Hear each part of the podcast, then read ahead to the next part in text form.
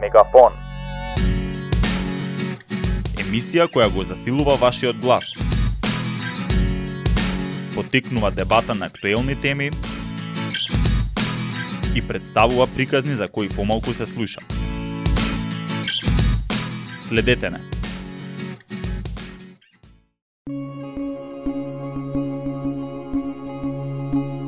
Здраво, слушате нова епизода од подкастот Мегафон на Радио МОВ.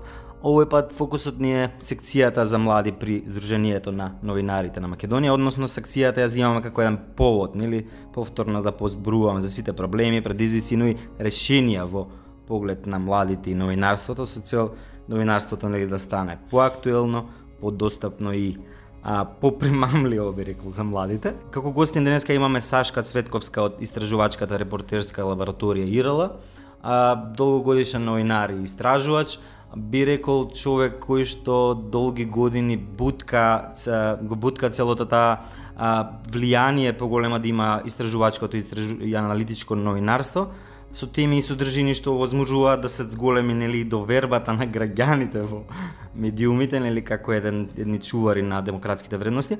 Сашка а, истовремено а, изминативе години ја бутка и таа идеја некако за афирмирање на новинарството меѓу младите, па веројатно тука би те прашал на почетокот а, веројатно тука и произлезе во целата таа во целиот тој процес и оваа идеја за формирање на секција за млади при при ЗНМ, нели да биде некоја платформа на здружување, предпоставам на младите.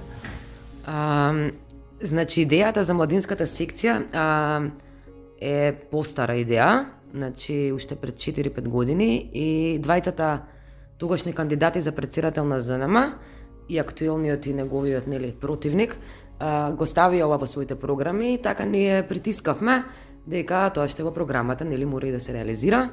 Управниот одбор одговори позитивно на тоа и а, ја формиравме младинската секција која што а, не е толку замислена како простор каде што младите ќе дојдат и ќе се подружиме и ќе се позбориме за новина, новинарството. Во основа е многу посериозен проект бидејќи кој произлезе како последица на девастирачките ефекти од а, пропагандата, од влијанието на а, разните центри на мок, политички или бизнес центри во медиумите и така се доведовме во ситуација во која што повеќе а, речиси не постои пазар на трудот во медиуми. Доколку не почне а, не постои факултет, мислам постои факултет, известен факултет постои за некакво новинарство, но резултатите од таа институција се а, очајни, А, не знам кои се луѓето кои таму предаваат, што работат точно, што прават. А, меѓутоа, не можам да разберам како институција која не дала резултати повеќе од деценија, а, се уште може да се остави во ваква да се остави да не знам да тераат како ништо да не било. Мислам, срамота да има катедра каде на новинарство во која се запишуваат тројца или петорица луѓе.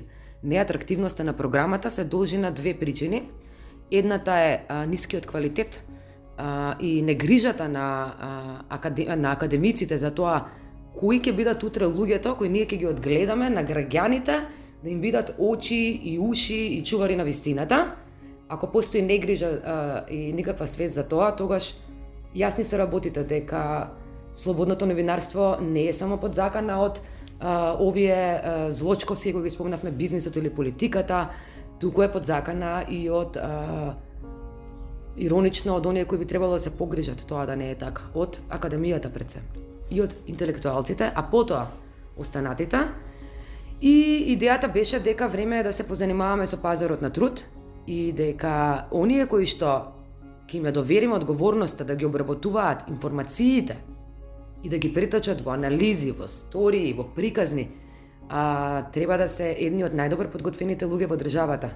Каков е нашиот статут сега, а, имаме огромна дискрепанца помеѓу платите на највисокиот менеджмент во медиумите, значи уредници, директори, и а, сите останати новинари, а за младите а, мислам ситуацијата и повеќе од лоша. Прво, најголем дел од нашите колеги кои пристапија во младинската секција се пожалија дека се преработени и тоа не можеме ни да викаме млади сте, окей, може да работите секој ден по 20 сати, се пожалија дека во нив не се инвестира во смисла на вештини, унапредување, а се пожалија дека тие не гледаат како и зошто би се надградувале во постоечките медиуми, доколку а, не постои јасна и прецизна а, ме, по мерит утврдена скала на напредување во медиумите. Така, зошто јас денес би се вложила да работам нешто а, во одреден медиум, да а, нови колегите ризикуваат, го ризикуваат своето здравје прво, потоа својот живот во многу ситуации, а, и на крајот губат, ја губат драгоцена една деценија од 20 до 30, и зашто? За потоа да бараат кариера на друго место, која е малку и доцна да ја направат.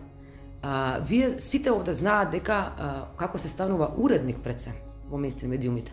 И сите знаат дека тие позиции а, се гарантирани и спонзорирани од а, повторно од оние центри на МОК кои ги спомнавме. Ако главниот уредник оди на баци рака кај политичар на партија, кај лидер на партија или кај а, а, некој од оние членови на Стопанската комора, кои се уште се од највлијателните а, во обштеството кои од една страна финансираат партии, од друга страна а, финансираат медиуми, тогаш мислам која е потребата некој млад човек да сака да се надградува, кога знае дека постои полесна и поедноставна опција да го добие она што му треба. Да. А, предпоставаме, сега рече социјално-економскиот статус го, го начна, а знам дека имаше едно истражување кое велеше дека 62% од младите новинари имаат плата под просечната, вајде само еден дел е тоа од, од целата слика, нели? А она што го спомна, другото е, нели, притисокот самите себе кон уредниците, мали рокови, многу обврски, немањето сектори, нели, буквално се младите, и не само младите, се што лози стануваат, буквално немаат една насока фокус, немаат рубрика која што може да да следат. И можеби се тоа влијае а, и, и самите да се сам, само цензурираат, поише не само да бидат цензурирани во целиот процес, предпоставувам сега дека секцијата на млади ќе ги земе сите овие работи. И, и што е идејата сега како да се состанува, да, да, да биде простор каде што не знам, ќе има работилници, лупам сега, ќе има видување некој месечно. Младинската секција не е само секција, младинската секција е и протест против состојбите во медиумите. Тоа не смееме да го заборавиме. Само добро тренирани и високо мотивирани новинари може да одговорат на својата задача во општеството, а тоа е да бидат чувари на вистината. Значи, новинарите имаат сериозна одговорност. Ние, колку и да сме банал, колку и да изгледа сето ова банално што се случува сега, и неважно, а граѓаните се, се буквално нападнати од неважни информации, така што и не е чудо што професијата е нападната. А, меѓутоа, а, сепак, не бадијала нели не викаат седма сила, ние сме единствените од редовите на немокните кои имаме а, доверена моќ од граѓаните, од надзорниот одбор на општеството, да бидеме нивните очи и уши. Ако не сме добро тренирани, ако не сме високо мотивирани, како ќе извршиме таа должност? А, тоа и слично е се состојбите и во јавната администрација ако вие просечната плата, значи не можете да очекувате дека некој ќе ги превеземе сите тие ризици по себе и тој живот полн со стресови, а и таа одговорност и ќе работи за просечната плата. Mm. Мислам, тоа е стварно проблематично.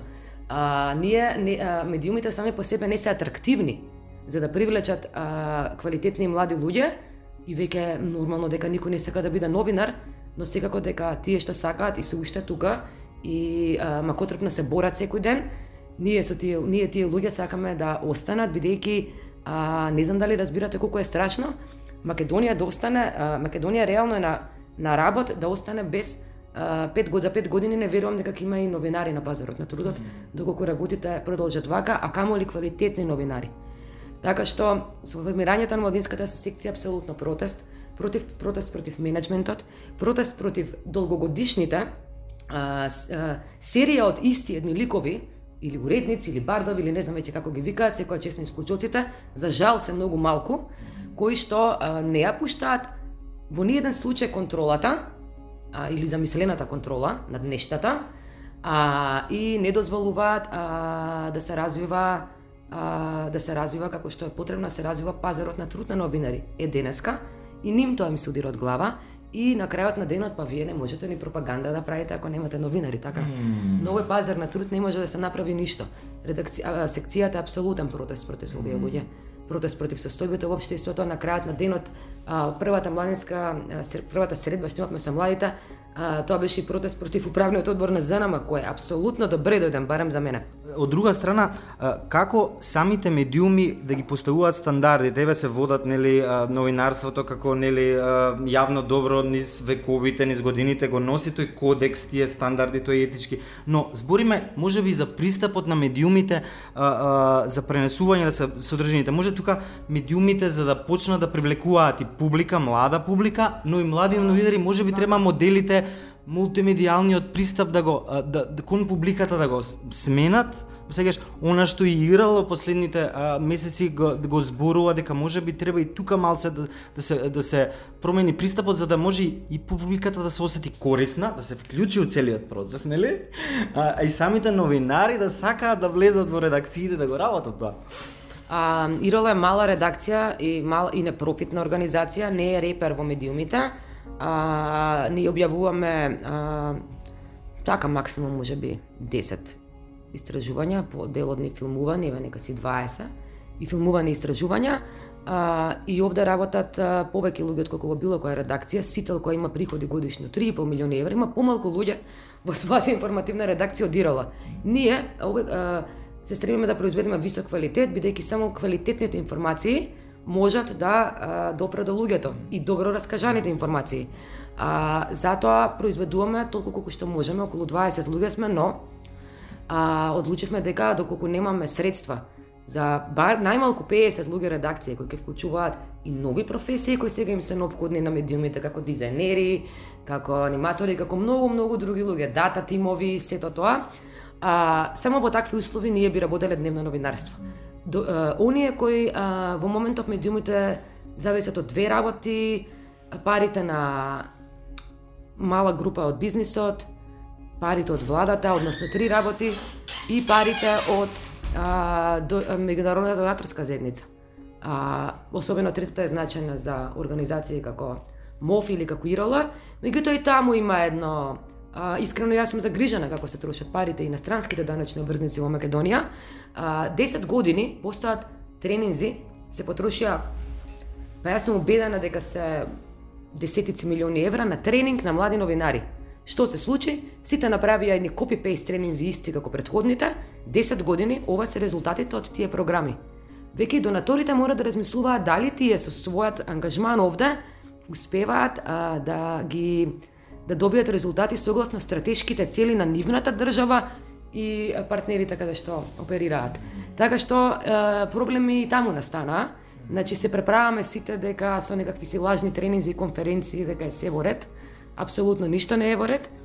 И Македонија ризикува да остане држава без а, новинари за неколку години. Го спомна бас кадрите, новинарите. Во услови кога е професијата новинарство се соочува со дефицит, би рекол, на млади кадри, потребно ли е менеджментот да размислува како да ги поттикнува професионалните млади новинари да бидат активни пред нели у самите у своји медиуми, како да го прават тоа? Тоа е вечното нели прашање. Како да го прават тоа? А, па зашто одеа на сите тие конференции, сите овие уредници со години? Мислам, нели гледаа како се прави тоа? Нели се секоја година некаде во Америка, негде? Мислам, толку време се потроши, што правеа таму? Одеа на вечерата во хотелот, што служат после конференција, не разбирам. Има како да се прават, луѓето не дека не знаат како се прават овие работи, едноставно никој не сака да ги прави. Бидејќи, а, ако во ваш најголем и врвен а, интерес не е да завршите својата работа и на граѓаните да им дадете квалитетни информации денес, туку ако ваш интерес е вашиот медиум да речеме да биде поддршка на другите ваши бизниси, тогаш зошто вие би се грижале кој ќе биде утре новинар и дали тој ќе биде добар новинар. А, ним не им требаат добри новинари, ним им требаат а, добро обучени и заблудени слуги. Тоа е тоа. Меѓутоа, младата генерација колеги кои работат во сите медиуми, многу интересно е дека младинската секција покажа дека младите не се поделени како по старите генерации. А, ја бев трогната да видам како а, млади колеги од Сител, од МТВ, од 24, од портали од секаде заедно загрижено размислуваат што ќе прават утре. Луѓето едноставно им недостасува мотив. Ова се луѓе кои сакаат да останат во оваа работа. И ние не смееме да се дозволиме да не пробаме барем да им го овозможиме тоа. Меѓутоа тоа нема да оди лесно, затоа што а, не станува збор само за кој е на supply side. Значи, еве, ние сме тука пазарот, ама demand side или менеджментот а, не сака такви новинари. Како и да е, кога луѓето се во група, се помокни, посилни и можат подобро да ги артикулираат своите заеднички потреби. Во моментов а, се прави едно бекграунд истражување кое ќе ни помогне а, а, кое ги, значи, ги, ќе ни помогне конкретно да ги утврдиме а, потребите на колегите и а, очекуваме дека кон крајот на месецов ќе биде и а, првиот формална формален работен состанок или работна група на колегите. Сакаме тој процес да јас го координирам, меѓутоа сакаме да го оставиме повеќе да биде нивни процеси сами да можат да се одберат кој ќе биде овде одговорен меѓу нив, кој ќе им биде лидер, кој нема да им биде, кој ќе се грижи за што. Така што ќе видиме како ќе изгледа тоа, во секој случај а, драго ми е што и колегите се свесни дека борбата ќе биде долга, ама а, што е па другата опција? Нема друга опција. Борба долга или кратка таа е. Фала ти, Сашка, мислам дека со последново го заокружи, ака скрос мале, што и да правиш, сега ќе биде сувишно. Фала ти многу за, за муабетот и остануваме и така понатаму. И евентуално да го потребиме овој повек, бидејќи мов следи доста следи културата, ако да не речеме дека се единствени.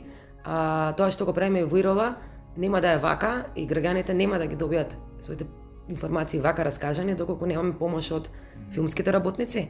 Така што доколку некој од а, локалните млади уметници сака да волонтира во а, новинарската младинска секција да им помогне да да ни помогне да направиме добра кампања, ќе бидеме онака многу благодарни. Пари немаме, ама имаме многу енергија. Фала ти многу, Сашка. Фала на сите за што слушаа. Поздрав.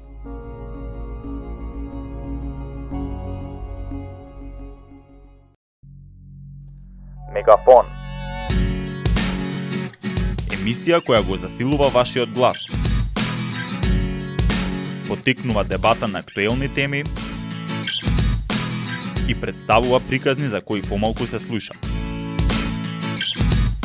Следете не.